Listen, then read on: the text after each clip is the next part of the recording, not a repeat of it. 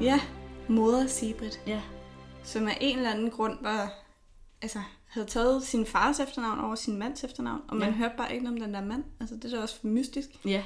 Altså, fordi han, altså, hvis, hvis Henrik den 8. har hørt om Sibrit i England, så har må manden for filan da også have hørt. Ja. Men mindre hun var enke, det kan jo godt Det kan være. selvfølgelig være, at han var borte. Ja, det kan være, men så er det også, altså, så, hvorfor har hun så ikke bare beholdt hans navn? præcis. Det er lidt underligt. Der kan være mange grunde. Det er mystisk. Ja, det er lidt Mm. mysterie. Men øhm, velkommen til Kvinde kend din plads. i historien. Ja.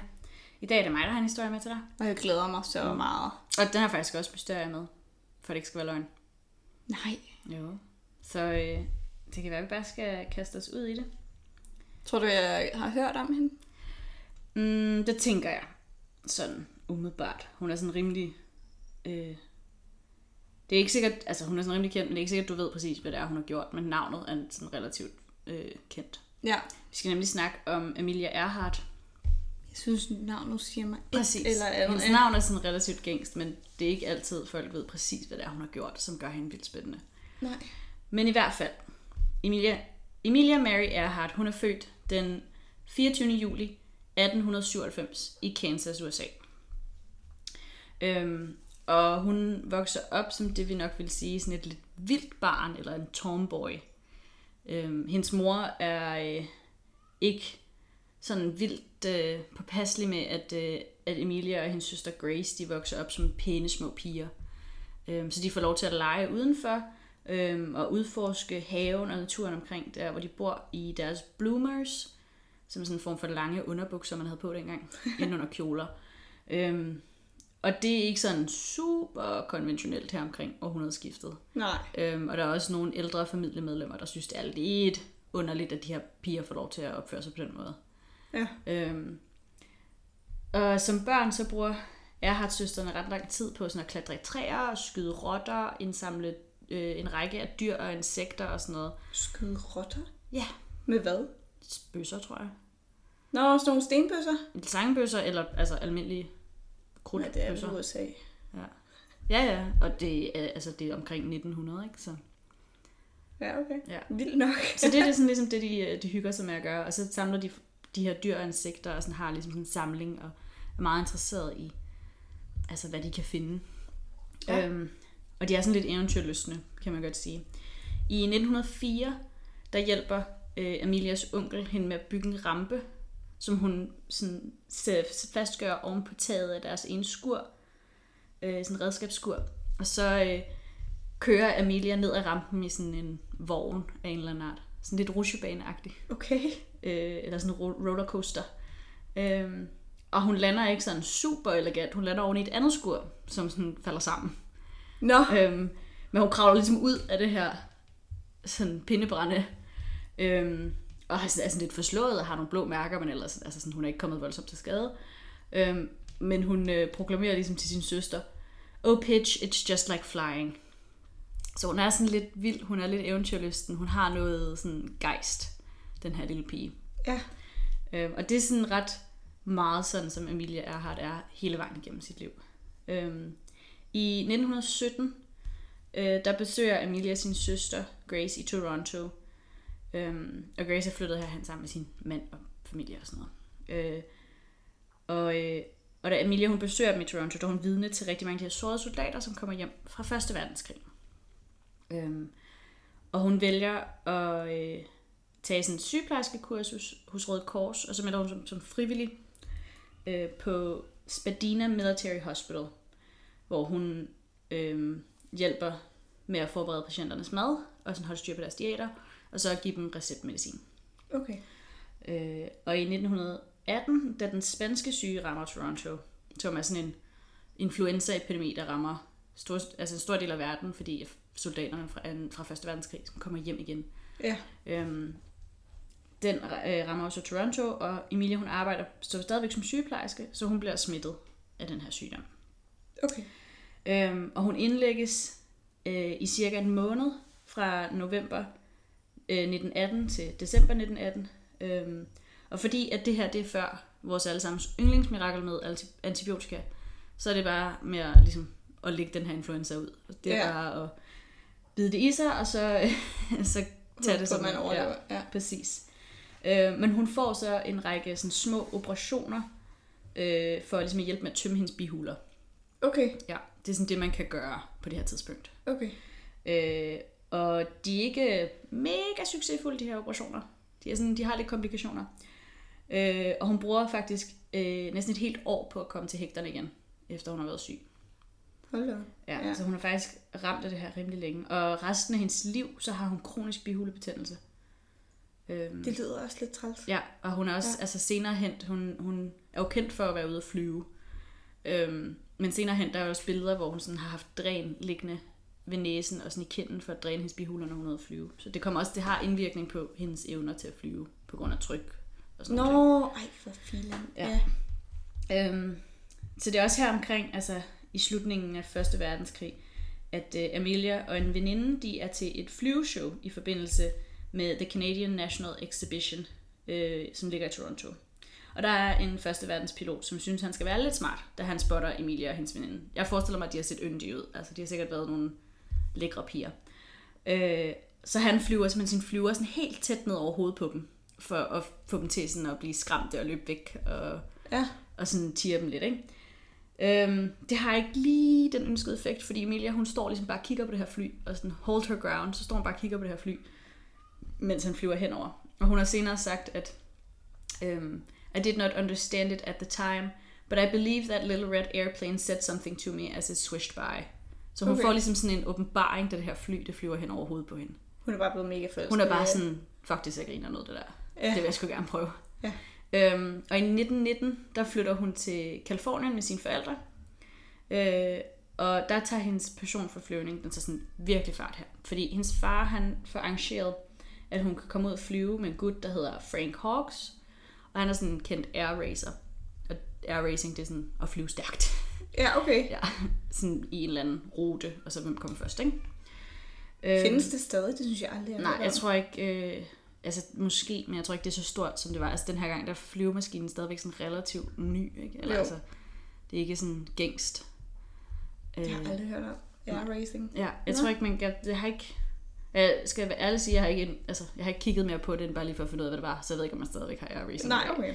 Øhm, men efter den her 10 minutters flyvetur, som hun er på med Frank, der er hun simpelthen solgt. Hun var sådan, jeg skal lære at flyve. Det er det. Det er der skal jeg med resten af mit liv. Jeg skal bare flyve. øhm, så øh, hun arbejder sådan en hel masse småjobs for at tjene de 1000 dollars, det koster at lære at flyve. Og den 3. januar i 1921, der har hun sin første flyveteam med en sej dame, der hedder Anita Nita Snooks, og hun øh, er også pilot. Ja. Øh, og hun underviser hende i en Curtis JN4 Chunk flyvemaskine.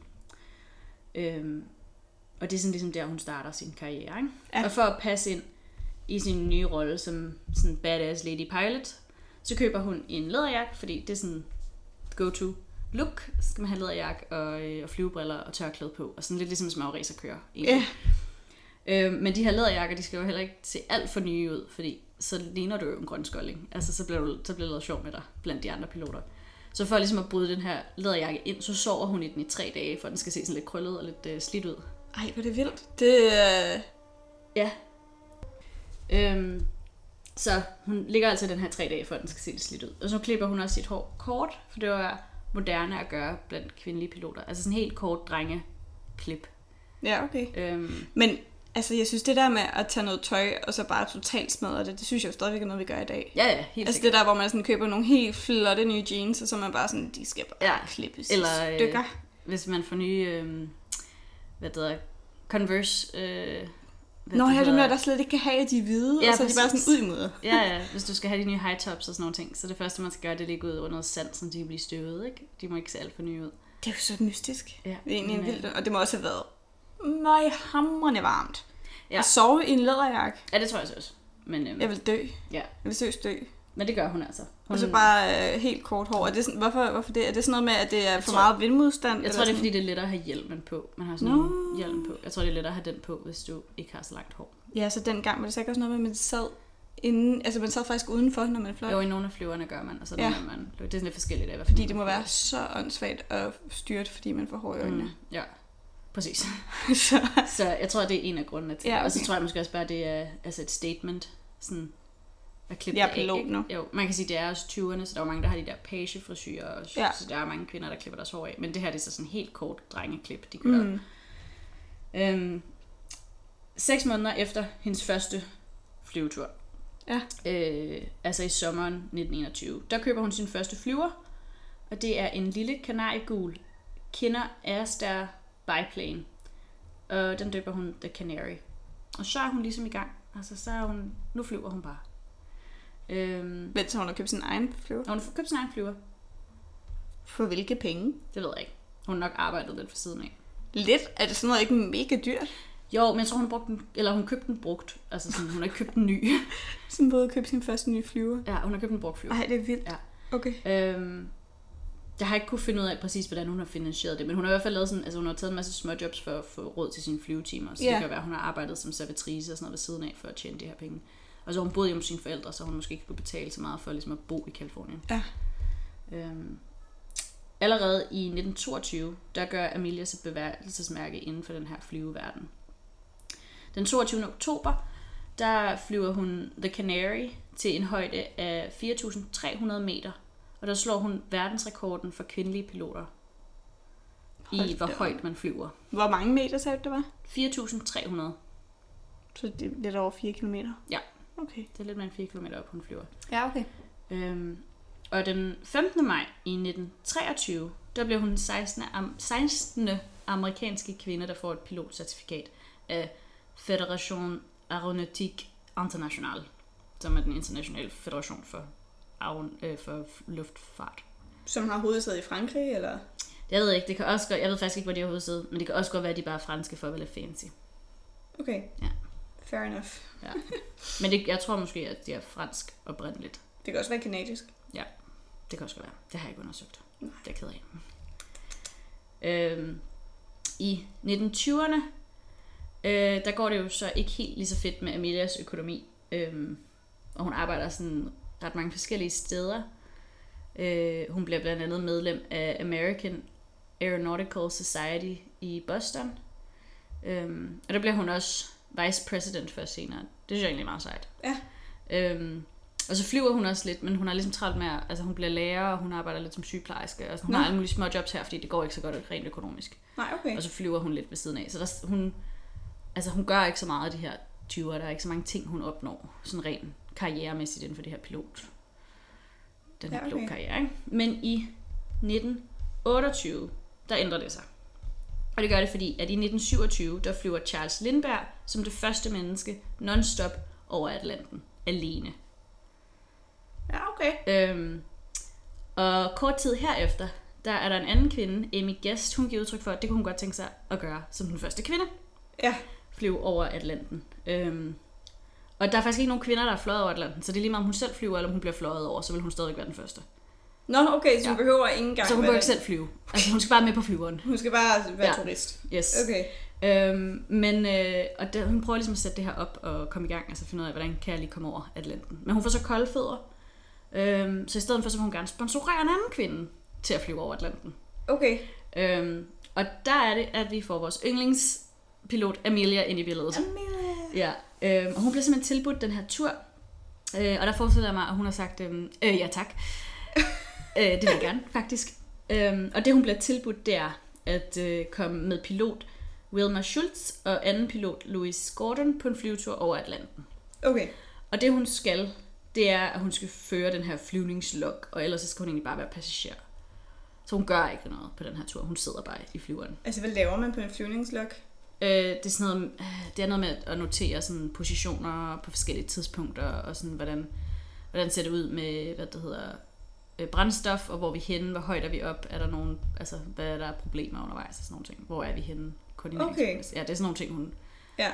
fører ned, ikke? Øhm, Men altså, det der med, hvor er vi hen, er det fordi, de ikke har nogen...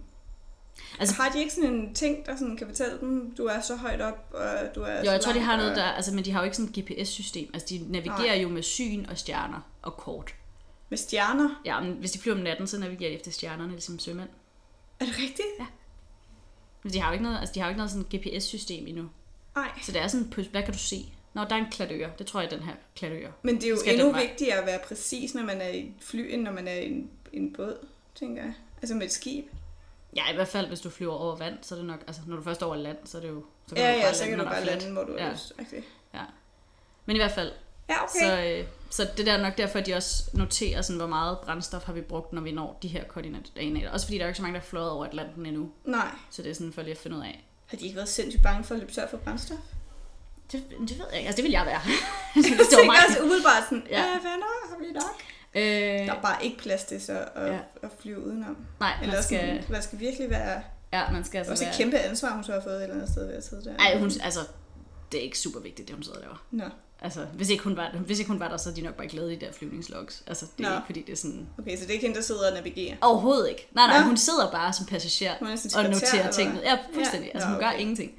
Okay. Øhm, Men de flyver ud fra Newfoundland den 17. juni 1928, og så lander de 20 timer og 40 minutter senere i South Wales. Øhm, Det og det er en tid. tur, der i dag tager hvad? 5-6 timer? Ja. Det er lang tid. 20 timer, det er fandme lang tid at skulle flyve. På overvej, hvis du skulle køre bil 20 timer i streg. Ja, nej tak. Ja. Også selvom der ikke er lige så meget trafik op i luften, så Ja, stadigvæk. fordi de har vel heller ikke haft øh, autopilot. Nej, det tror jeg, de har fløjet hele vejen.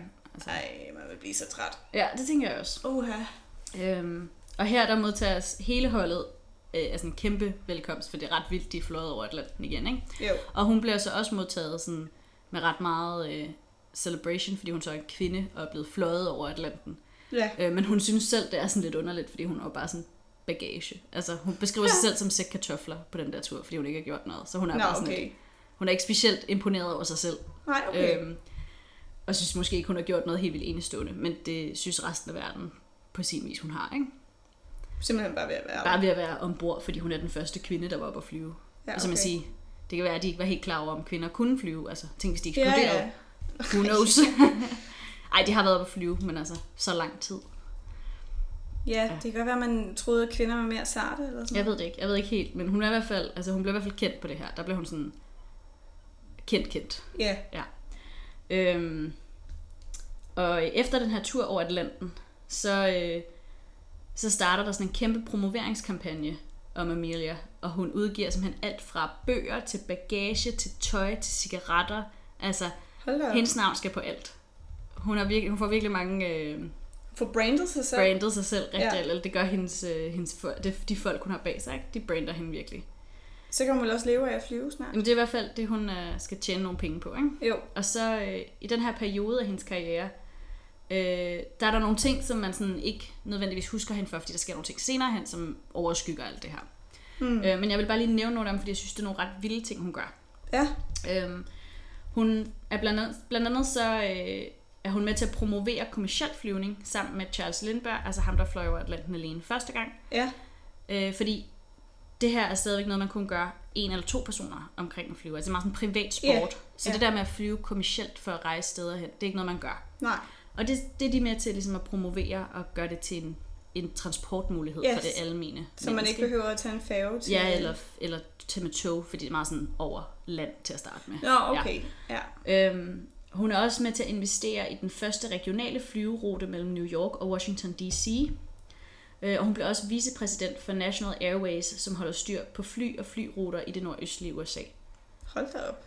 Øh, og det gør hun så alt sammen her efter, at hun har fløjet og er blevet fløjet over Atlanten. Der er hun sådan Det er simpelthen bare, fordi hun har siddet og været passager. hun Ja, ja, og det så bliver hun ligesom kendt, og så bliver hun et navn, ikke? Så Jo. kan hun være med til nogle af de her ting. Men jeg synes, det er ret sejt, det her med, at de også... Altså, hun er med til at promovere flyvning for den almene person. Altså, så du ikke behøver at være pilot for at komme ud og flyve. Du kan også bare være passager og blive Okay. transporteret fra A til B. Sådan, hun kan ligesom se mulighederne i den her, Ja, i den her nye teknologi, der er at flyve, ikke? jo. Øhm, I august 1928, der blev hun den første kvinde til at flyve alene non-stop over det amerikanske kontinent og tilbage igen. Hvordan flyver man over det amerikanske? Altså på hvilken, Så flyver du led? altså fra, fra Californien? Kalifornien til New York eller sådan Okay, noget. og tilbage. Ja. ja, men jeg tror, hun har altså landet for at vinde, og så fløjet retur igen, ikke? Okay, så det er ikke sådan en uvending? Nej, det tror jeg Nej, ikke. okay. Jeg tror ikke, de her kunne have nok øh, Benzin. altså benzin ombord Nej. for ligesom at gøre det.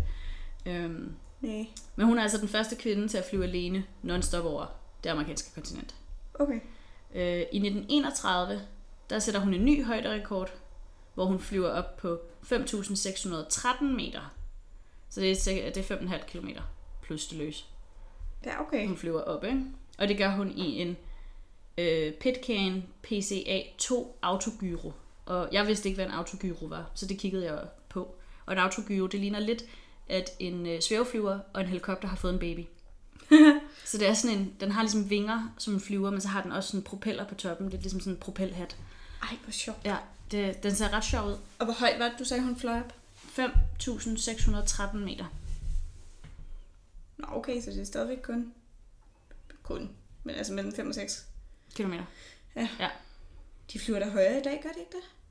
Det føler jeg, de gør. Ja, det ved jeg ikke. Jeg er usikker, fordi nogle gange så får man den i foot, altså i feet. Ja, det gør man Og så er det jo sådan noget 25.000 feet. Ja, hvor man Og er det er det jo ikke. Det er sådan noget 4-5 kilometer. Ja, Jeg tror, de flyver nogle... Altså kommersielt fly, tror jeg, er nogenlunde den der højde. ja, Jeg tror også, det kommer, det kommer så også an på, hvor langt du skal flyve. Jo længere du skal flyve, jo højere flyver du. ja. Så. Okay. Øhm, I den her periode, der bliver hun involveret i en gruppe, der hedder 99's. Det er en organisation for kvindelige piloter, der yder støtte til andre kvindelige piloter, og det fremmer kvinders plads og vigtighed i luftfart. Så det er sådan Okay. lidt sådan en, altså det er lidt hendes øh, del af the suffragette, movement og sådan kvinders ligestilling og sådan noget. Det er ligesom der, hun fokuserer i Ja. den del af, af sådan, øh, samtiden, fordi det sker også meget på det her tidspunkt. Ikke? Jo. Øhm, så det er meget inden for egen, altså inden for hendes eget, en egen branche, at hun ligesom hjælper til på det punkt. Yes. Øhm, og så er der lige et lille sidespring fra hendes karriere her, det er mere personligt, men øh, den 7. februar i 1931, der bliver Amelia Earhart gift med sin publicist, George P. Putnam. Okay. Og jeg skulle faktisk også lige til at spørge, sådan, bliver hun gift? Altså, Ja. ja. fordi det gør alle kvinder jo på det her tidspunkt. præcis. Og det er lidt specielt det her. Øhm, Putnam han har været gift før, og han bliver skilt, øhm, før, han, før han begynder noget med Emilia. Nå, Ja. men stadig. Øh, men han frier til hende seks gange, før hun siger ja. Hold da op. Ja, så han er persistent, altså det må man sige. Øhm, men Emilia, hun har altså en lidt alternativ holdning til, hvad et ægteskab er, og hvad det bør indeholde. Øhm, så hun beholder sit eget navn, og hun øh, skulle angiveligt have givet Putnam et brev på deres bryllupsdag, hvor hun fortæller, at hun ikke holder ham til noget middelalderligt syn på ægteskab, og hun heller ikke forventer, at han holder hende op på noget middelalderligt ægteskabssyn. Så det er sådan noget... Øh, altså, hvad er det? Sådan noget åbent forhold? Jeg eller hvad tror, er det? det er mere eller mindre et åbent ægteskab. Sådan Ja. læser jeg det. Øhm, Jeg har ligesom citatet, hun skulle have sendt. Øh, Jeg kan lige læse det op. I want you to understand that I shall not hold you to any medieval code of faithfulness to me, nor shall I consider myself bound to you similarly. I may have to keep some place where I can go to be myself now and then, for I cannot guarantee to endure at all times the confinement of an even of even an attractive cage. okay. Så jeg tror, hun er sådan, altså det er sådan mere eller mindre et åbent forhold, hun ligesom, øh, eller et åbent Ja, det må det jo være. Altså, Ja. det er jo det der med... Altså, fordi jeg sad og tænker på, om det er, fordi hun siger, jeg gider simpelthen ikke lave mad. Ja, og det kan også godt være, men i hvert fald det der med, at du ejer mig ikke. Jeg tror mere, det er det. Ja, altså jeg tror mere, hun er sådan, jeg at hvis jeg skal gifte, så frihed. skal jeg ikke være bundet. Nej, også ja. det der med sådan, jeg vil have min frihed til at, at altså, at beholde mit egen lejlighed, eller whatever. Altså sådan, jeg vil have frihed til ligesom at tage hen et Ja. andet sted uden dig.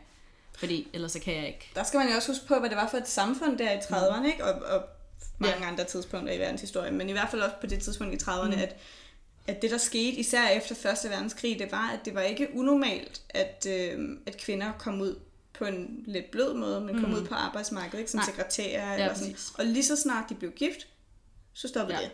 Men de har jo så fået, altså i hvert fald i USA, der har kvinderne jo fået stemmeret i 1920. Ja, Så de har fået lidt mere frihed nu, ikke? Fordi de Jo. kan stemme, og vi, altså her i 1930'erne, og så jeg sige, hele den der 20'er-periode med øh, flappers og altså de vilde 20'ere, Ja. det har jo også ændret noget i forhold til, jeg tror mest på kvinders syn på sig selv i virkeligheden. ja. Øhm, Men jeg tror virkelig også, der er noget i det der med, jamen, det var bare en ting, at du kan godt mm. være din egen, du kan godt Ja. gøre dit eget, indtil du bliver gift, Ja, og så præcis. er du der altså for Ja. mere for manden og for familien, Ja. og især familien. ja, det der med at få, få en familie er jo Ja. meget sådan højt op. Og det var kvindens rolle, så det tror jeg, hun har haft et ja. behov for at sige, det, Det kan er godt være, det kan godt Ja. være, at jeg bliver gift med dig, men Ja. så skal jeg stadigvæk være mig. Men jeg er en wild spirit, og Ja. du kan ikke tæmme mig. For helvede, hvor hun Ja, ja. der kan man lige se uh, filmen Spirit, hvis man også lige føler for en wild spirit, der ikke kan tæmmes.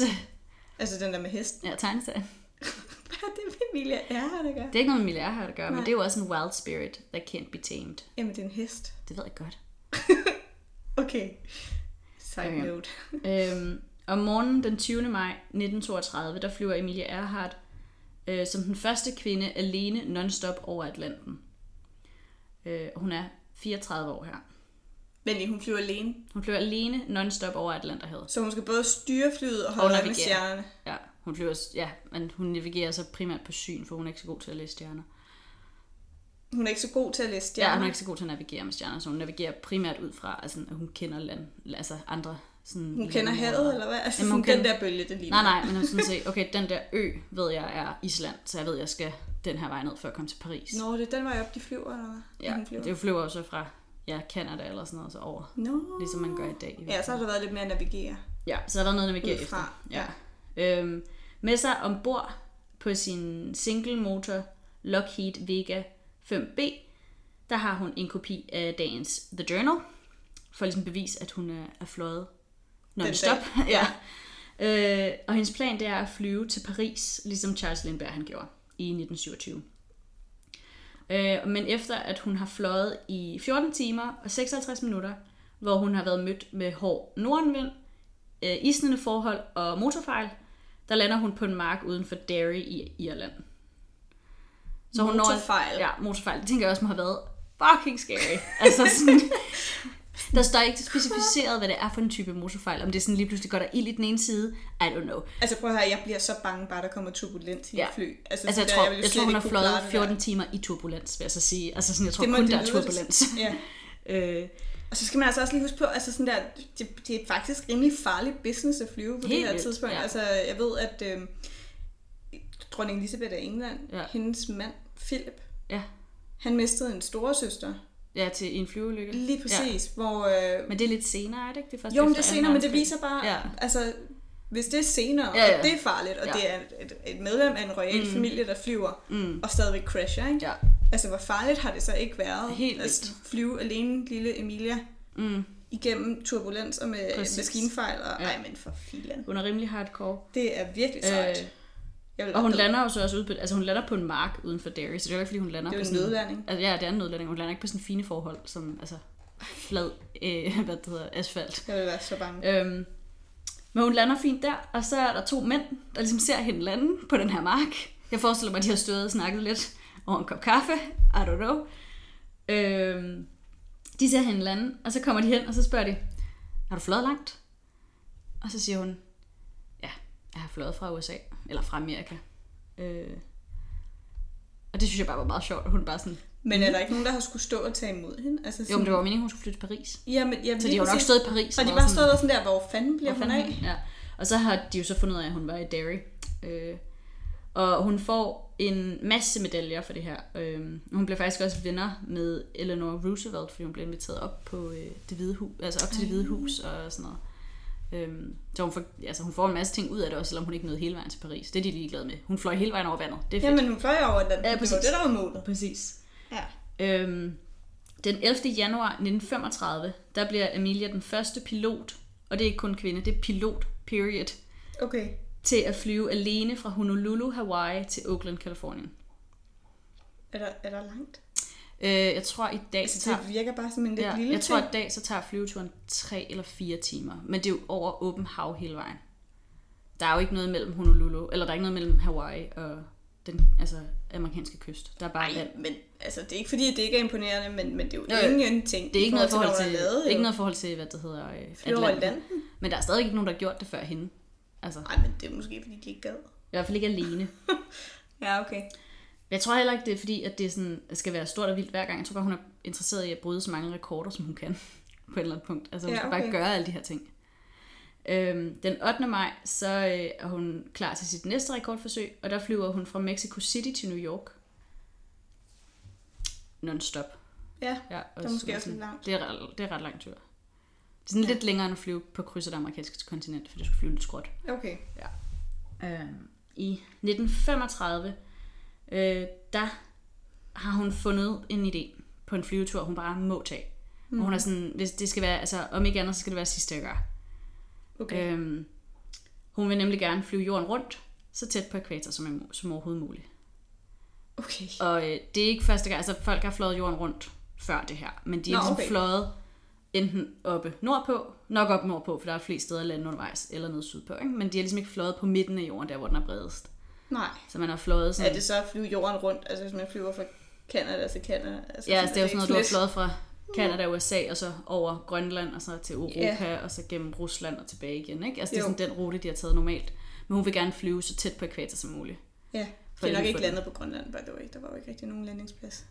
Nej, men det er jo, altså, det er jo ikke nødvendigvis, at vi skulle bruge en rigtig landingsplads. Man kan da ikke lande på is. Men der er jo ikke is alle steder på Grønland. Det er jo kun nogle, år, nogle tider på året, hvor der er is over det hele. Altså nu ved jeg, i forbindelse med 2. verdenskrig, mm. at der var der, hvor øh, vi blev solgt Grønland til, mm. der sagde, bare byg de der tulebaser. Ja. Der var det en stor diskussion, om man overhovedet kunne bruge det som en base, fordi man Ja. ikke vidste, om man kunne lande derop. De er nok ikke lige landet på Grønland. Men stadigvæk, det er Anyways. også lige meget. Øh, hun, hun vil i hvert fald gerne flyve jorden rundt så tæt på ekvator som muligt. Ja. Og øh, den her øh, jordomrej- jordomrejse, den begynder hun at planlægge i 1936. Og øh, den rute, hun planlægger, som er den længste vej rundt om jorden på det her tids, altså som du kan flyve Ja. på det her tidspunkt, den er øh, 77.000 km lang. Nej, det er forkert, det jeg siger. Den er 47.000 km Jeg skulle også lige til at sige, wow. 47.000 km lang. det er stadigvæk langt. Det er pænt langt. Det er, det er, Jeg ved ikke, hvor mange fodboldbaner der er, men det er pænt langt. det er, ja, det er en god vandretur. Ja. ja, Ej, det er vildt langt. det er helt vildt langt. Øhm, I juli 1936, der begynder Lockheed Aircraft Company øh, at bygge en Lockheed Electra 10E øh, til Earharts specifikationer. Og det er sådan et lille passagerfly. Altså Okay. sådan, det var, der var sådan ligesom to, altså en pilot og en anden pilot, og så var der lige nogle, altså så kunne der sidde, Okay. okay. ikke 5-10 mennesker i, eller sådan noget, ud over dem. okay. Så det er faktisk en relativt stor... Det er et relativt stort flyver, Ja. men det er sådan et, det er et lille passagerfly, ikke? Jo. Øhm, eller sådan en lille ja, privat passagerflys Ja. størrelse. Øh, og der fjerner de så ligesom alle de her sæder, øh, og så bliver der lavet om på skroget af flyveren for at få plads til en flere benzintanke, så de kan have mere benzin ombord på en gang. Okay. Fordi de skal alligevel flyve nogle ret lange strækninger, og så er det godt, de lige har... Men de flyver ikke det hele. Altså det er ikke non-stop, de bliver nødt til Nej, at okay. hoppe. Ja, det kan Jeg ikke også lige til at sig sige, det kan man ikke i dag. jeg er ikke sikker, nej, jeg er ikke sikker på, at du kan flyve hele vejen rundt om i dag. Så, det tror jeg nej, ikke, det gør jeg heller ikke. Men Nej. det er heller ikke målet. Det er bare at flyve hele vejen rundt om jorden. Okay. Ja, men de må godt stoppe. Så de kan godt holde noget ferie undervejs og sådan noget. Det kunne de godt, men det gør de ikke. Nej, okay. ja. øhm, det var oprindeligt meningen, at det skulle være en to-personers tur, og Erhard hun ville flyve med Captain Harry Manning som sin navigatør. Øhm, hun har arbejdet med ham før, så hun var godt klar over, hvad han kunne sådan inden for at navigere. Mm. Øhm, men der var nogle prøveflyvninger, som de havde på, altså over det amerikanske kontinent, øhm, hvor hans navigationsskills, de var sådan lidt off. Altså de var ikke sådan off nok til, at man egentlig, altså de ville stadig blive kategoriseret som gode, Ja, men, men de var ikke perfekte. øhm, men specielt Putnam synes måske, at det var lidt nederen, at der kunne være en maven på 30 km, hvis man skal lande på en ø, der er 5 km. altså sådan, Ja, det vil Det sige, at hendes mand hendes sagde- mand, han er sådan, hey, sådan, no. ja, jeg tror ikke, han er god nok, vi bliver nødt til lige at finde en anden. Okay. Ja, jeg tror, altså Emilia er nok på sin vis også enig, men det er i hvert fald ham, der ligesom er sådan, jo, vi må lige, Ja. kan vi ikke lige prøve at se, om vi kan finde en anden. Ja, okay. Øhm, så de hiver fat i en gut, der hedder Frank Noonan, øh, og han kommer med som anden navigatør. Så Harry Manning skal stadigvæk være med, Nå, okay. men de får bare lige en ekstra gut indover og sige sådan, jeg er enig i hans okay. udregninger. Ikke? Så de tre. Så de er til tre. Øhm, og det var så også meningen, at Frank Noonan han skulle kun hjælpe dem hen over Stillehavet, fordi han havde erfaring med at flyve over Stillehavet. Okay. Eller rejse over, ikke flyve over Stillehavet, men rejse over Stillehavet. Ja, okay. Ja. Øhm, og så skulle Manning navigere til Australien, og Erhard hun ville selv flyve resten af vejen rundt om jorden. Nå, Ja. hvordan skulle de så komme derhen? De ville flyve fra Kalifornien over Stille, altså til Hawaii over Stillehavet til Australien, og så ville de flyve altså gennem Asien og Mellemøsten og hvad Jamen sagde du ikke, hun ville flyve alene? Jo, det vil hun så gøre fra Australien af, så vil hun selv navigere det sidste stykke, fordi så flyver hun mest over land eller i nærheden af land, så har hun ligesom pejlemærker at flyve efter. Men skulle hun ikke også... Nå, så hun vil starte med stillhed. Ja, hun vil starte med at flyve over Stillehavet. Okay. Ja, det er sådan planen er. Øh, og den 17. marts 1937, der flyver de ud fra Oakland, Kalifornien med kurs mod Hawaii. Og undervejs, der får de problemer med propellerne på flyveren. Så når de lander på. Hawaii, så bliver det her, så bliver det her øh, hvad det hedder, fikset, problemet bliver fikset, det er fint. Øh, og så, da de skal til at øh, lette og flyve mod Howland Island, som er deres næste stop på turen, der går landingsstillet i stykker. Øh, Stillet. landingsstillet, ja. Altså, altså hjulene. Ja, altså det, som hjulene ligesom står på, Nå. eller sådan løfter. Ej, det er virkelig... Øh, Ja, de har været uheldige. Øhm, og de må alle sammen, inklusiv fly, sejles tilbage til Kalifornien, fordi det skal altså repareres hen på den her Lockhart Aircraft Companies. Altså, det skal, det skal repareres ja. hjemme. Det kan de ikke bare gøre på Hawaii. okay. Så de bliver nødt til at flyve tilbage, eller sejle tilbage til Kalifornien og regroup. Start forfra, eller Start forfra, ja. Ej, træls. ja. Øh, og mens det her fly bliver repareret, øh, og de planlægger det her nye forsøg, øh, der beslutter de sig, at måske skulle hun flyve østover i stedet for. Så starte med at flyve over USA, og så over Atlanten, og så den vej rundt om jorden. ikke? Okay, så de slutter af, Ja. Øhm, præcis. Og denne gang, så er det kun Amelia og Frank Noonan, der er med på turen, fordi at øh, Manning, han har simpelthen fået nok. Han er sådan, der er for mange problemer på den her tur, det gider jeg ikke. Jeg vil ikke mere med mere. Nej, okay. Øh, så det er kun Amelia og Frank Noonan, der er på den her tur. Øh, og de flyver meget stille til Florida fra Oakland. Det siger de ikke så meget om, for de skal lige se, at flyveren stadig virker. Fordi første gang var det meget offentligt, at de fejlede. Så anden gang, så de sådan lige, vi- går lige lidt stille med dørene, indtil vi finder ud af, vi kan flyve. Ja, okay. Men så fra Miami, flyver de ud fra Miami den 1. juni 1937, og så er der bare publicity på derfra. Så fortæller de alle, at nu flyver vi jorden rundt. Ja, okay. Øhm, og de skal flyve øh, hen over Puerto Rico og Venezuela, Brasilien, og så flyver de over Atlanten til Senegal, Sudan, Ægypten, til hvad det hedder, Indien, Burma og så videre hen til Australien og Ny Guinea. Hold da. Ja. Og det er så på, øh, altså den 29. juni, der ankommer de til Lage i Ny Guinea. Øh, og der har, på det her tidspunkt, der har Emilia, hun har fløjet 35.000 kilometer. Ud af de her 47, eller Ud af meget det var. 47, ja. ja.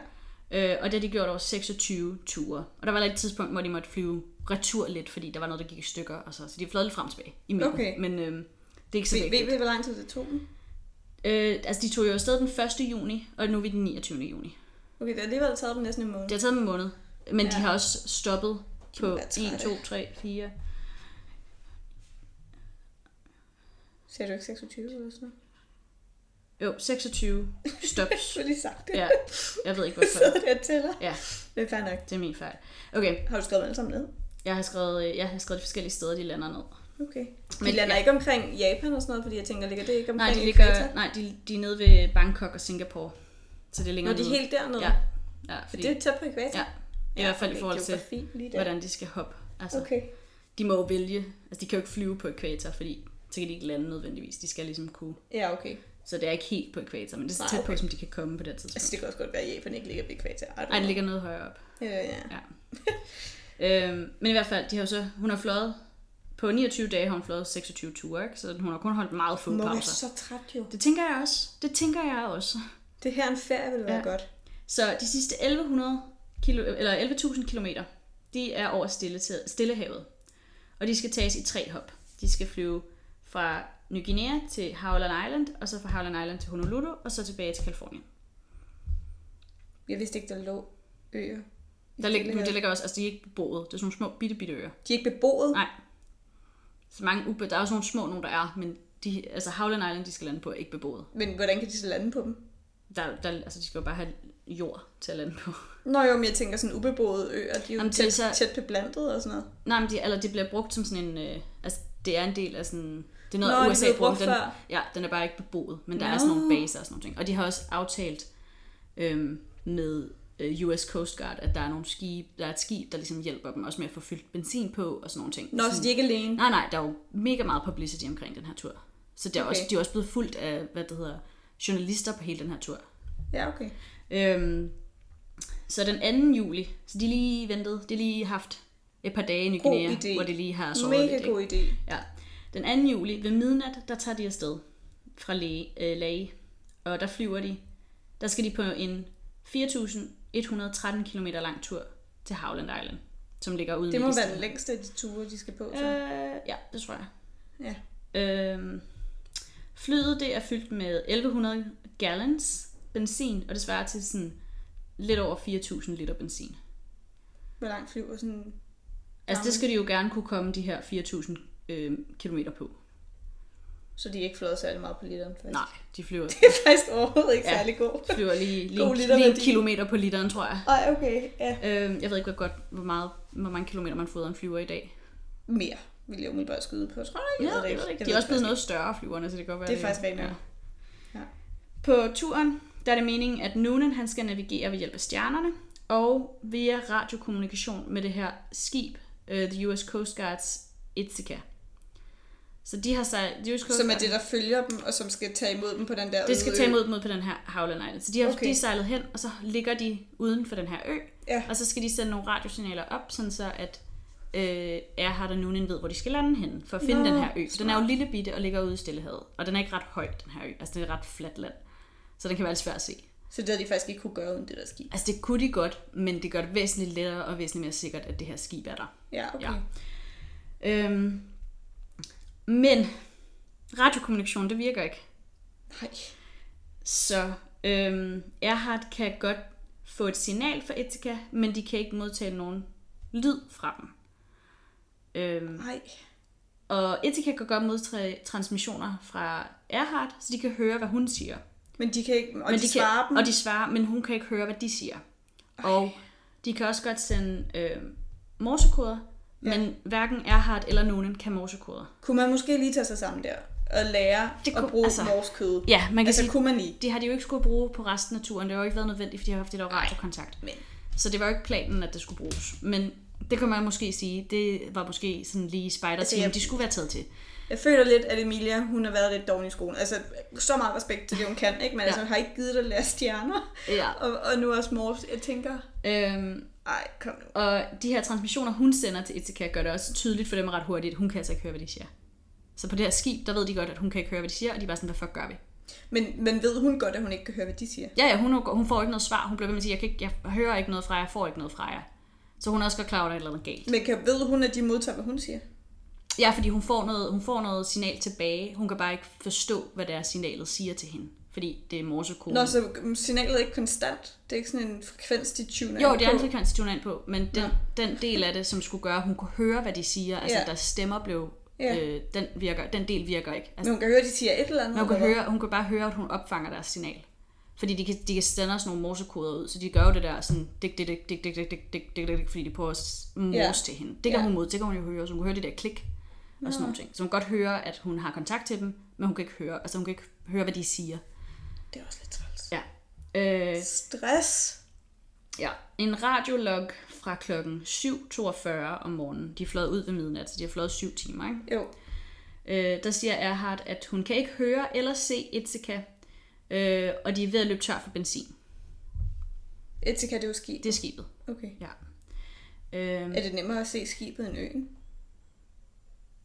Mm, måske, fordi øen er ret flad, og det her det er jo om nat- altså det er sådan en tidlig morgen, hvor at skibet stikker sådan lidt mere op over Nå, vand og sådan ja, okay. Men de er heller ikke, altså skibet er ikke lige oven på øen, det er jo sådan uden for den her ø. Ja. Ja. Øhm, den sidste kendte transmission sker 8.43, hvor hun siger, We are on the line 157337. We will repeat this message. We will repeat this on 6210 kilocycles. Wait. Og så få minutter senere, så er hun tilbage med besked, We are running on line north and south.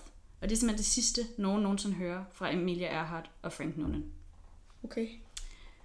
Øhm, der blev ind, øh, indledt en kæmpe redningsaktion for at prøve at finde Erhard, Noonan eller Elektran, altså flyvemaskinen. Øhm, og de fortsætter faktisk med at lede indtil den 19. juli. Men de finder simpelthen ikke noget. Altså, så Ithaca går jo i gang med, den er jo lige i nærheden, Ja. der hvor de skulle have været. Ja. Så de går i gang med at søge hele vandet øh, omkring Ja. den her ø med det samme. Ja. Og øh, præsident Roosevelt, han kalder simpelthen hele øh, Coast Guard og The Navy og sådan noget, der er på den flåden. ind for at, øh, at prøve at finde dem her. Og Ja. de har fly i luften, der leder efter dem, og de Ja. har skib i vandet, der leder efter dem. Og, Ja. Altså, de, de bruger, jeg tror, de bruger 4 millioner dollars på den her redningsaktion. Wow. Det er kæmpe stort, det de gør. Og de Okay. leder jo så også i 14 dage efter dem, men de finder simpelthen ikke noget. Ah. Ja, der er ikke, no, der er ikke, der er ikke nogen, der har set dem siden. Vi ved ikke, hvor de er. Nej! Ja, de Nej! er forsvundet. Nej! Nej! Jo, Nej! Emilia Earhart og Frank Nej. Noonan er simpelthen forsvundet. Ej. Øhm, og man har stadigvæk ikke til dags dato fundet hverken flyveren eller de to. Nej, Emilie for. Og derfor er der Nej. ikke nogen, der ved, hvad det er, der er sket Nej. med dem. Ej, Men det betyder jo, det gør du ikke mod mig, det her. det Nej. betyder jo, at der Nej. er konspirationsteorier. Ej, der er en del teorier om, øhm, hvad der er sket med dem. Og jeg tænkte lige, vi ville gå igennem nogle af dem. Ah, ej, mener du seriøst, vi ved, altså sådan... Det, vi ved hvad det nu? Altså, ved jeg, ikke, jeg der skal jo vide, hvad der er Ja. Nej. Altså, der er jo nogle af teorierne, som er mere sådan almindeligt accepteret end andre. Men vi ved ikke, hvad der er sket med dem. Altså, jeg Har man aldrig fundet dem? har aldrig fundet dem. Bare lidt af dem? Mm, ingenting. Bare en lille bitte? Ingenting. Ej. Ikke noget, Nej, ikke noget, Emilie, som det man, kan du ikke gøre. ikke det noget, kan som man ikke officielt mig. har kunne... Det kan du seriøst ikke gøre mod mig. Jeg hader unsolved crimes, og det er jo sådan lidt derhen af det her. Det er Sådan, lidt nej. unsolved mystery i hvert fald. Ja, jeg kan, nej, det kan jeg ikke. Ved du hvad? Nej. Nej. Vil du have teorierne? Ja, okay, Okay. okay. kom med dem. Øh, den første teori, det er nok den sådan mest bredt accepterede teori. Mm. Øh, og det er, at de ikke kan finde den her lille forbandede ø, Howland Island, og at de så øh, løber tør for benzin og styrter ned i havet et eller andet sted i nærheden af den her ø. Fordi de er på den rigtige ret, altså de er det rigtige sted, kan man sige, fordi de koordinater, som Emilia hun øh, snakker om i den sidste, øh, hvad det hedder, Ja. transmission, hun har med det her skib, Mm. der er hun på den rigtige længdegrad i forhold til, hvor hun, altså sådan, Så hvorfor kan hun ikke finde den der ø? fordi den her ø, den er sådan, altså 5 km lang, 2 km bred og 3 meter høj. Altså, den er virkelig Men altså sådan, stor. hvor, hvor er hun henne i forhold til den der ø? det, det, må man, man, ved, det ved man jo ikke. Nej, men man ved jo, hvor hun har været. Ja, man ved, hvor hun er fløjet fra, Ja, og hvor hvor hun skulle det? flyve hen. Hvor ligger det i forhold til øen? Øh, det ligger sådan syd vest for. Nå, men jeg tænker sådan afstandsmæssigt. Er hun Det ligger meget langt der dem, det ved vi, altså man ved jo ikke præcis, hvor man går ud fra, at hun har styrtet ned ret tæt på Howland Island. Altså sted 100 til 300 meter, altså 100 til 100 km væk måske, eller sådan noget. Altså det er ret tæt på i forhold til, Okay, 100 kilometer. ja, men det er ret tæt på Ja, i forhold til, hvor langt hun har fløjet.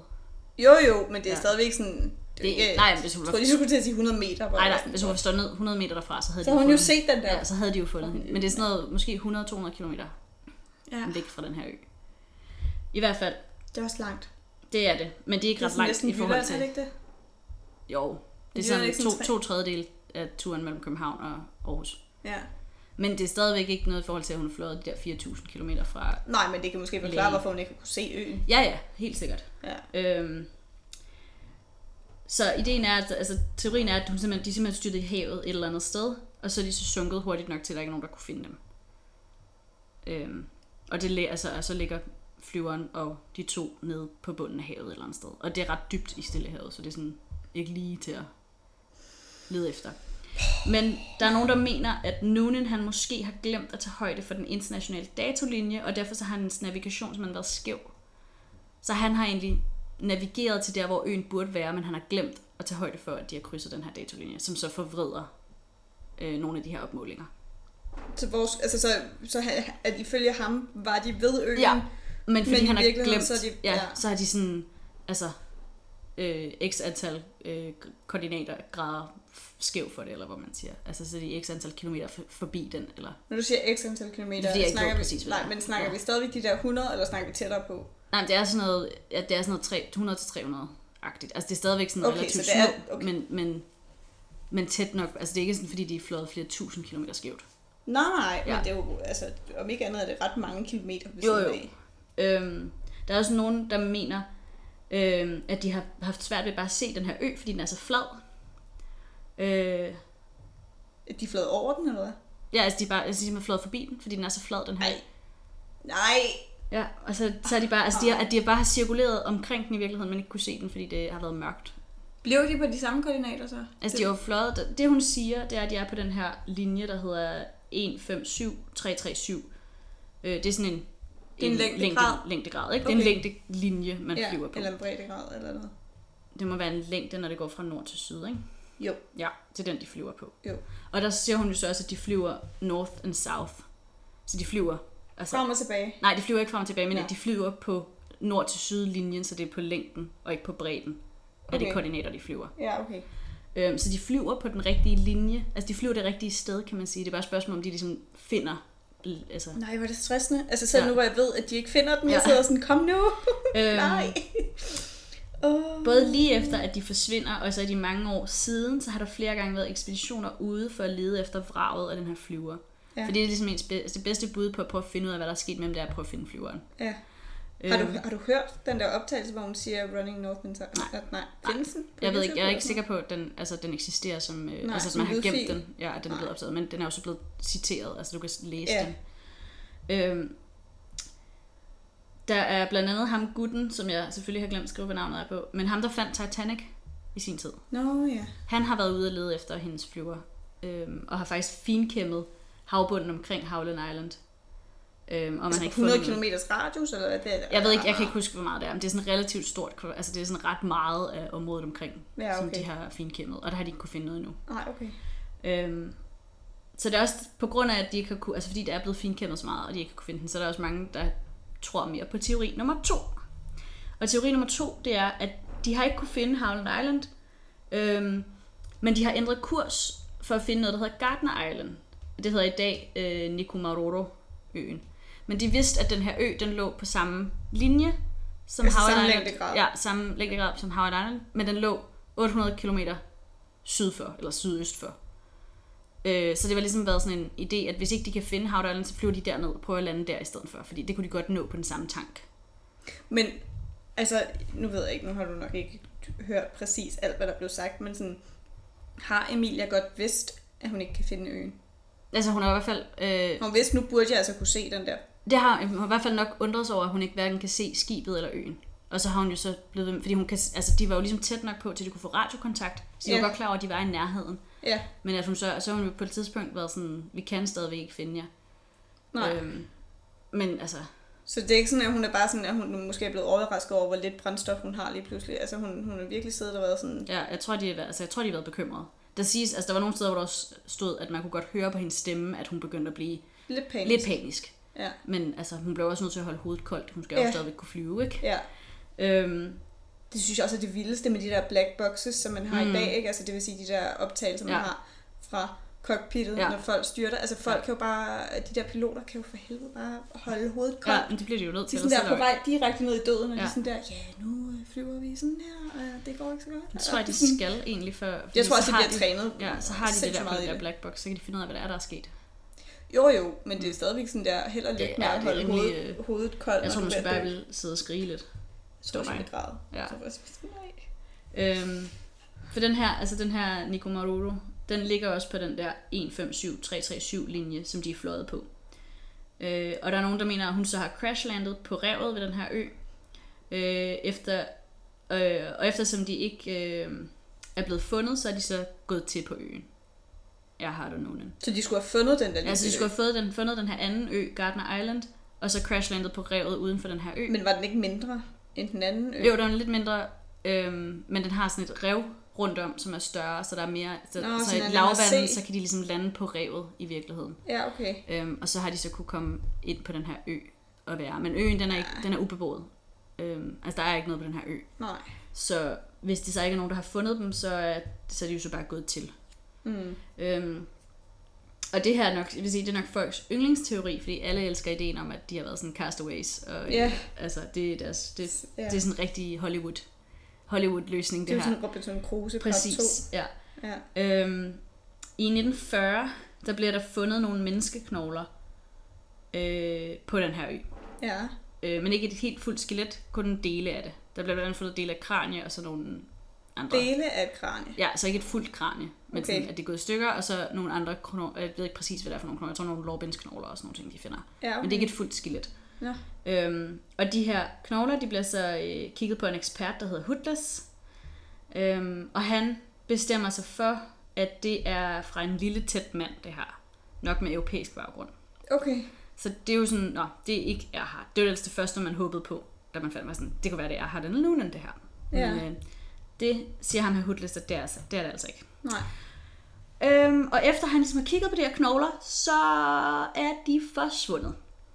Nej. Så om han har smidt dem ud, om de har Ej. gravet videre, eller hvad fanden de har gjort ved de her knogler, det vides ikke, men de er i hvert fald væk. Nej. Kunne han ikke lige have fået nogen til at kigge på dem? Det kan man jo sige. Altså, øhm. nej. Nej. Og der er så efterfølgende Nej. flere, der har kigget på hans opmålinger, fordi han har så lavet nogle ret detaljerede opmålinger af de her knogler. Øh, og der er nogle andre eksperter i dag, som mener, at det kunne faktisk godt være Amelia, knogler, han har fundet. Ej, hvor er det Øhm, anstrengende. Og øh, på den her ø, der er der også fundet øh, dele af en skosål fra det samme mærke, som det, de støvler, som Amelia hun brugte. Men det er den forkerte størrelse. Det er ikke sådan samme størrelse som hendes sko. Og de har Jo, hvordan også skulle de her ting være havnet der, hvis det ikke var hende?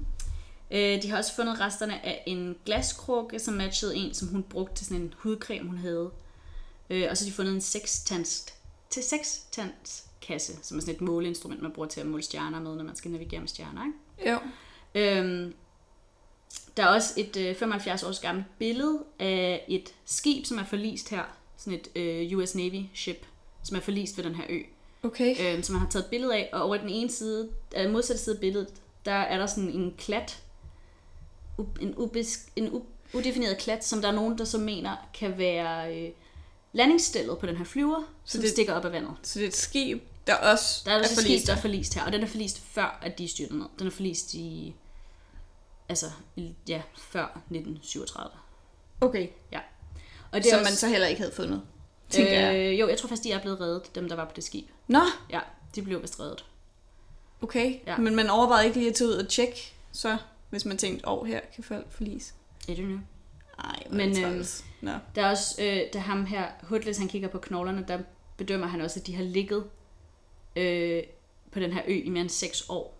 Og det er i 1940, og de styrter ned i 1937. Så det er også lidt, det taler imod, at det er dem, fordi knoglerne Ja. har lig- ligget der længe nok, kan man Ja. sige. Eller har ligget der for længe. Øhm, men så er der det her billede, hvor de så mener, at det måske er landingsstillet for den her flyver, de kan se.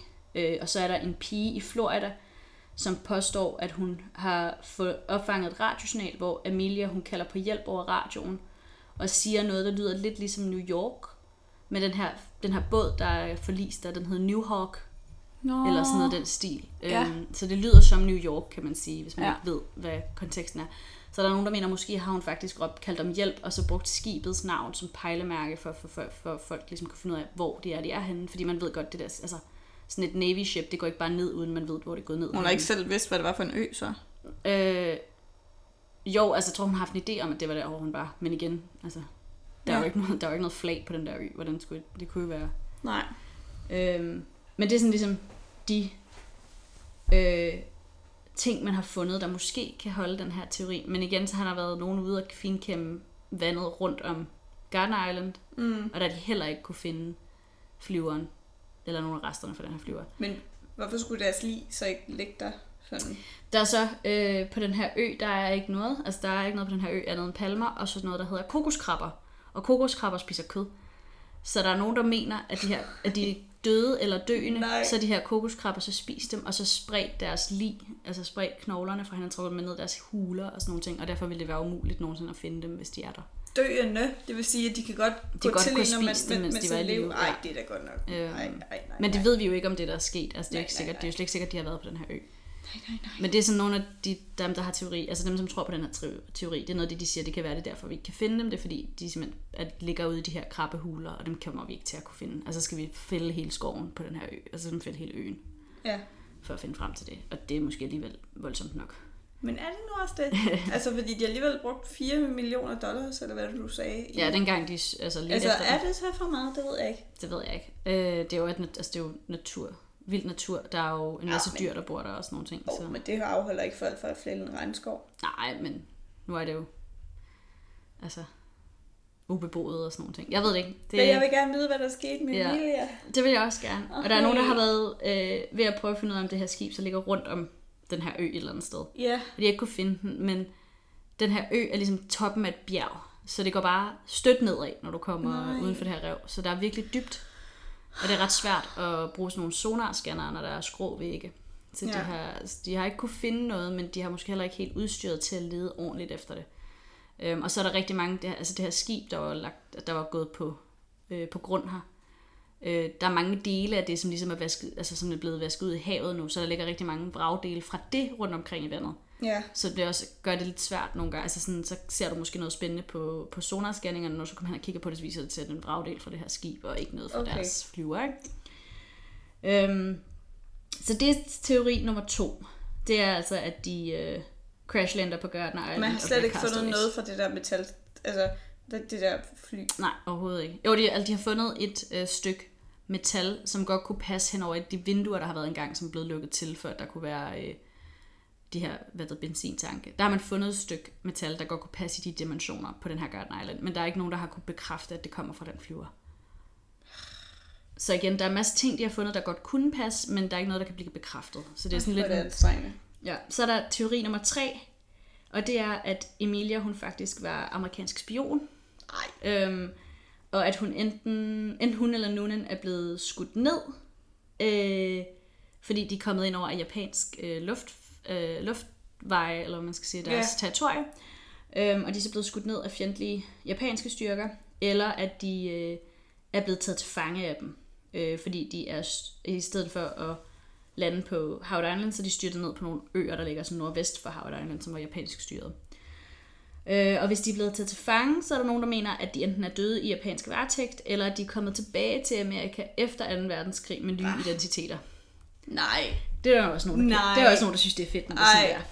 Ej, det tror Og man jeg kan ikke sige, øh, Det er dumt. de beviser, nu laver jeg et øh, situationstegn, det er selvfølgelig ikke nogen, der kan se, men de beviser, man har for de her teorier, det er øh, et gammelt billede af en kaj, hvor der står nogle mennesker på, og der står en gut, der måske kunne være Noonan, og så sidder der en dame, som godt kunne være Erhard. Øh, der er så nogen, der mener, at det her billede, det her er altså fra 1935, for det har været sådan en rejseguide fra 1935, så det er jo så før, de overhovedet forsvinder, så det kan ikke Ja. rigtig være dem.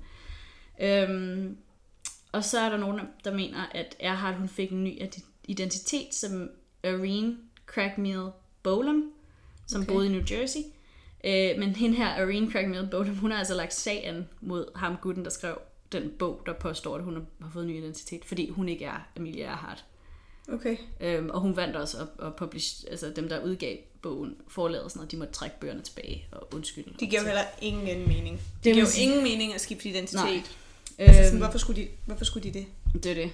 Altså det skulle være for, fordi de var amerikanske spioner, Nå. og så havde været i Så det er, det er også en virkelig Ja. dårlig... Og så er der så Nej, øhm, nej, nej. nogle af de her, de her øer, som de så skulle være landet på, der er, japansk, øh, der er japanske øer, de er beboet. Og der er så nogle historier på de her øer om, øh, om at man har set en flyver styrt ned uden for den her ø. Okay. Øh, og det er ligesom, altså, og man har set to mennesker komme i land og sådan noget. Det er der Okay. nogle af de her lokale, der mener, de har set. Så, men altså, om det Men- er dem, eller om det er nogle andre, der er styrtet ned, det er jo svært at sige, for der er jo også mange, der styrter ned under 2. verdenskrig, så der er jo også, altså, som jo starter ja. nogle år senere, ikke? så Jo. der kan jo så også være mange af dem, som bliver mixet sammen og rent årstalsmæssigt og sådan nogle ting. Så den er måske ikke sådan helt vildt sådan bredt accepteret, den her idé om, at hun var amerikansk spion. Men øh, mm. nonetheless, så er det en af deres teorier. Og den sidste teori, øh, den er sådan rimelig out there, men det er simpelthen, at de, er, de har fløjet op i øh, luften der. De mm. er ved at løbe tør for brændstof, og øh, så bliver de bortført af aliens. Hvad? Ja, det er der også nogen, der mener. Det er også en. Nej, det mener du ikke. Og det er derfor, vi ikke har nogen Nej. spor efter dem, og det er derfor, vi ikke kan finde dem. Det er fordi, de, de er bare blevet beamet op, og så, øh, Ej. og så er de aldrig kommet tilbage igen.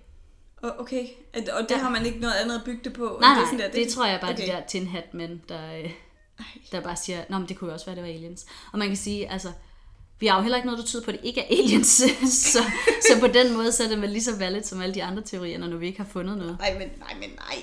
Men nej. Men, åh. Ja. Så det er simpelthen øh, nej. livet og mysteriet, der er øh, Amelia Earhart. Det kan jeg slet ikke forholde mig til. Ja. Det synes jeg er virkelig hårdt. ja. Nej.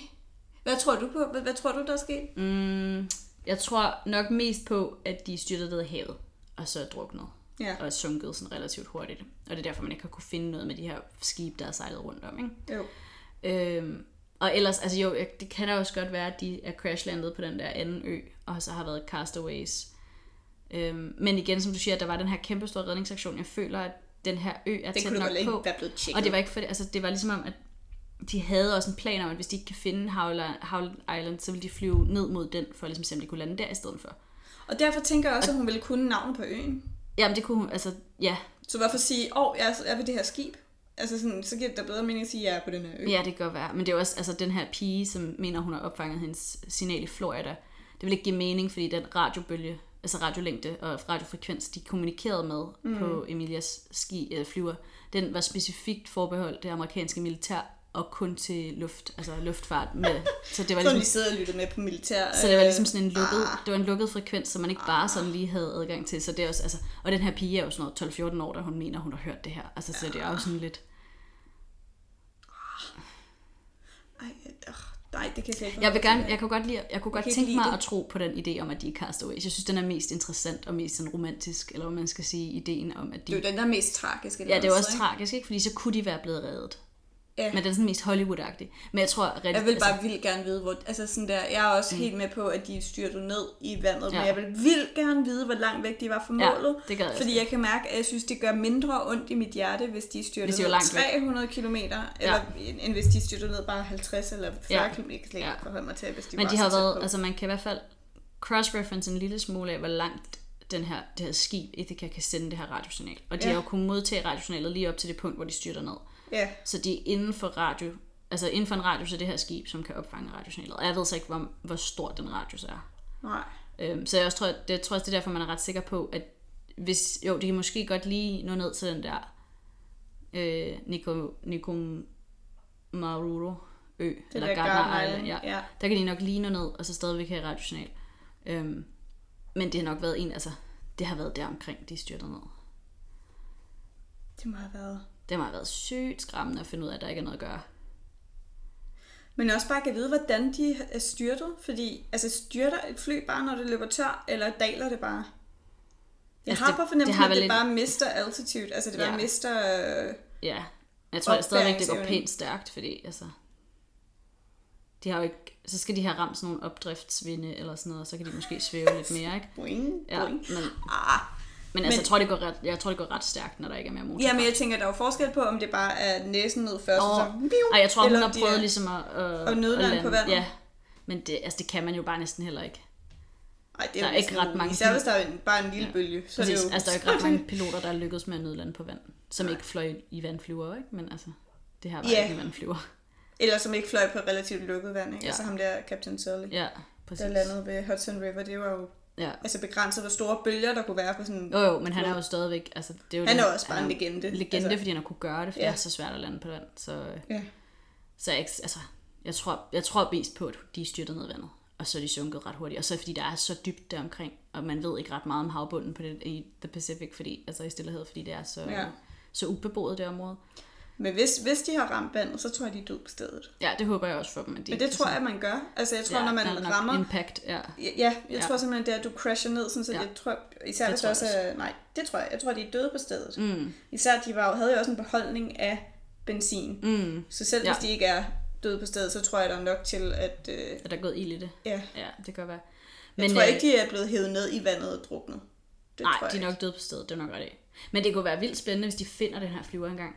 Altså det glæder jeg mig. Jeg, jeg kunne håbe, at de finder den i min levetid. Det kunne være vildt Jeg spændende. kan slet ikke overskue det, hvis ikke de finder den. De Ja, nødt til fordi jeg tænker, at nu bliver vores, altså, vores robotteknologi og sådan nogle ting, den bliver efterhånden så god, at de kan lave bedre og bedre, altså sådan sonar, altså Jeg sonar kan robotter, der kan dykke så langt ikke er nogle ting. fundet. Hvad Ja. med hendes mand?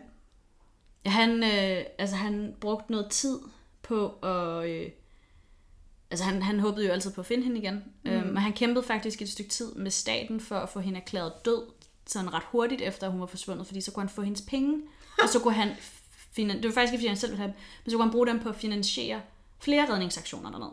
Fordi på et tidspunkt, så ville staten jo ikke betale længere. Altså, Nå, og så, så han, prøvede, han satte faktisk en del aktioner i gang privat, som han sådan fik privat funding til. nå. Øhm, og en af de Han ting, har virkelig kunne, elsket den kvinde. Ja, det var nemlig, at hvis han fik hende erklæret død, så ville han jo så arve det, hun havde af aktiver. Mm. Og så kunne han bruge de penge på at prøve at finde hende.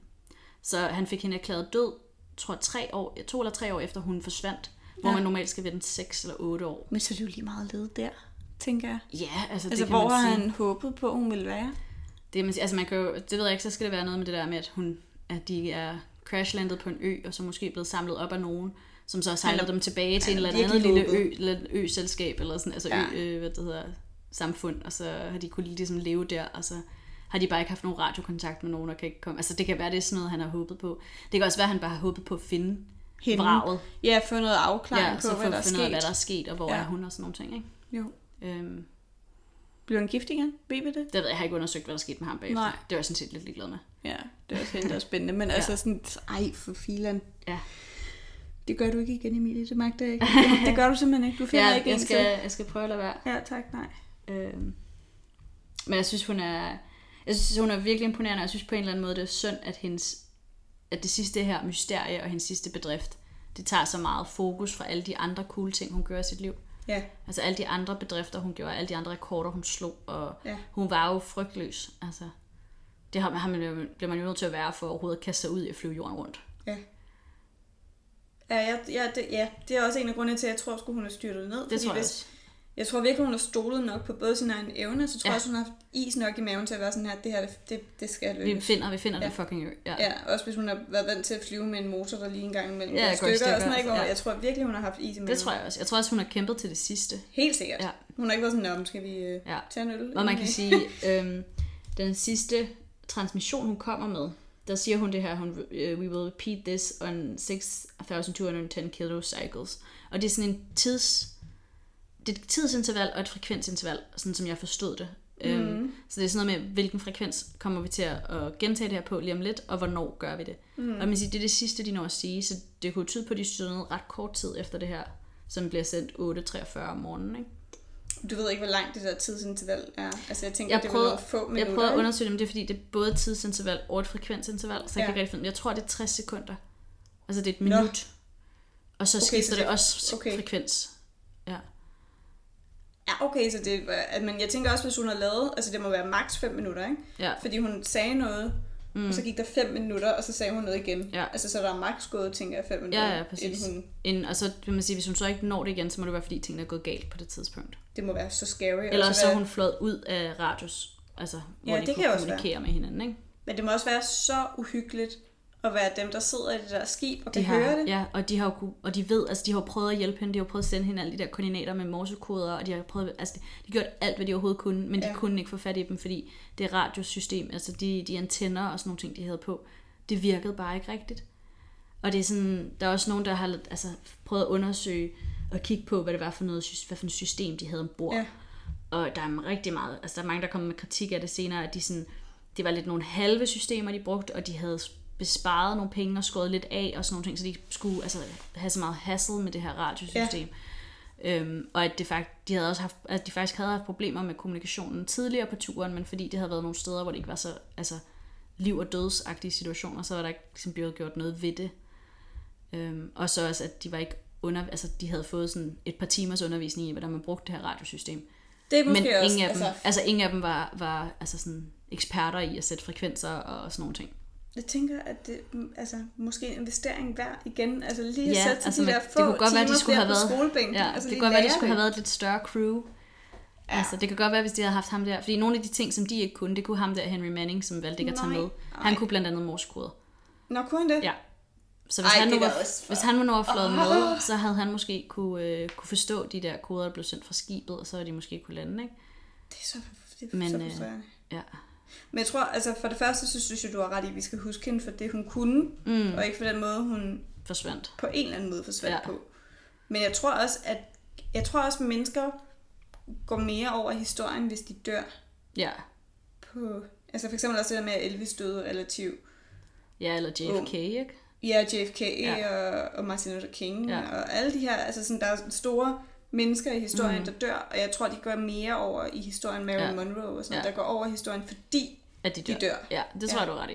Men jeg tror jeg stadigvæk, altså selv hvis hun, altså hvis hun havde klaret den her tur og været den første til at flyve rundt om jorden ved ekvator, så var hun jo også blevet altså, verdenskendt. Altså det, Det gjorde hun jo så også for at forsvinde, bittert. men, men Ja, ja. selv hvis hun havde lykkedes med det, ikke, så ville hun jo jeg kan slet ikke forholde mig til, at jeg ikke ved, hvad der er sket. Nej, det er virkelig irriterende. Jeg håber vildt meget, at de...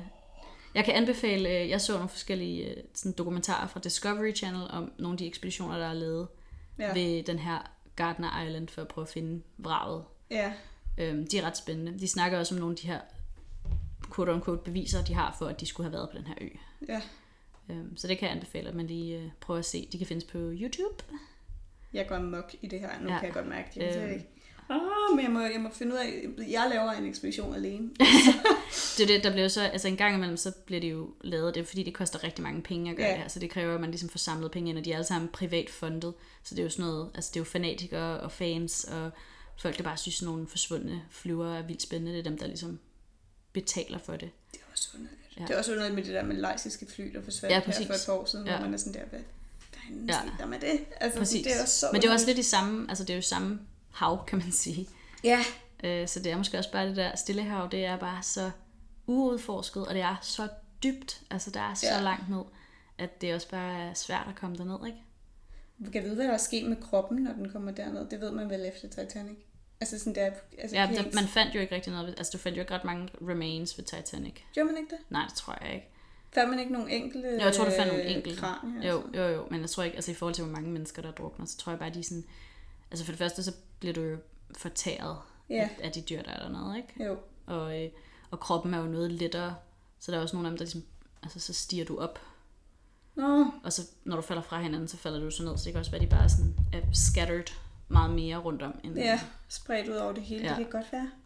Jeg tænker også bare, om kroppen kan holde til så store tryk, eller om den eksploderer, eller, eller altså sådan, ja, det kan godt være. om, Altså, hvad der sker med kroppen, når ja. ja. den er udsat for så jeg er ikke meget sikker tryk. på, at man ved det, fordi at, altså, Jeg kan slet ikke overskue man kan ikke komme derned og teste. Jeg var også bare besat af Titanic, da jeg var sådan Det kan jeg godt huske. 12 år Ja. eller sådan noget, hvor jeg var sådan, jeg skal Ja. vide alt. Ja, men det er også derfor, jeg tænkte, du måske ikke kunne huske, hvad ham gutten hed, jeg Nej. glemte at skrive navnet ned på. Men, øh, men han har jo så også, altså han har jo haft ret meget øh, succes med at finde nogle af de her forsvundne, altså Titanic og, og sådan nogle ting. Hvis han nogle stadigvæk lever, kan han så ikke lige tage sig sammen og gøre det en gang til? Jeg tror jeg, han gør. Fordi han fandt jo Titanic i hvad, 80'erne eller sådan noget. Ja, det tror Og der var, jeg, det han, der var han sådan noget 30, 40, 40 50. Ja, han må lige, han må lige inden han dør, ja, så skal han lige tage sig sammen og lige nå en gang en, til. en ekspedition mere. Ja, lige, lige om. Emilia, ja. tænker jeg. Prøv lige, lige finde Emilia her. Ja, gider lige. Nå, nu tror jeg, vi har snakket Ja, vi har længe om snakket den her. længe, men det er også fordi, det er spændende. Det, det er en sindssygt spændende sag, og jeg, vi håber, at, øh, at I synes, det har været lige så øh, spændende at høre om hende, som, øh, som det har været researchen. Ja, der er meget at leve op til, Ja. ja. kan jeg godt mærke. Men øh, jeg glæder mig rigtig meget til at høre, hvad du er med næste gang. Jeg glæder mig til at fortælle om det. Ja, så ses vi snart det gør vi, og kvinden kan din plads. I en sted i historien. Lige præcis. Tak for det. Tak for, at I lyttede. thank you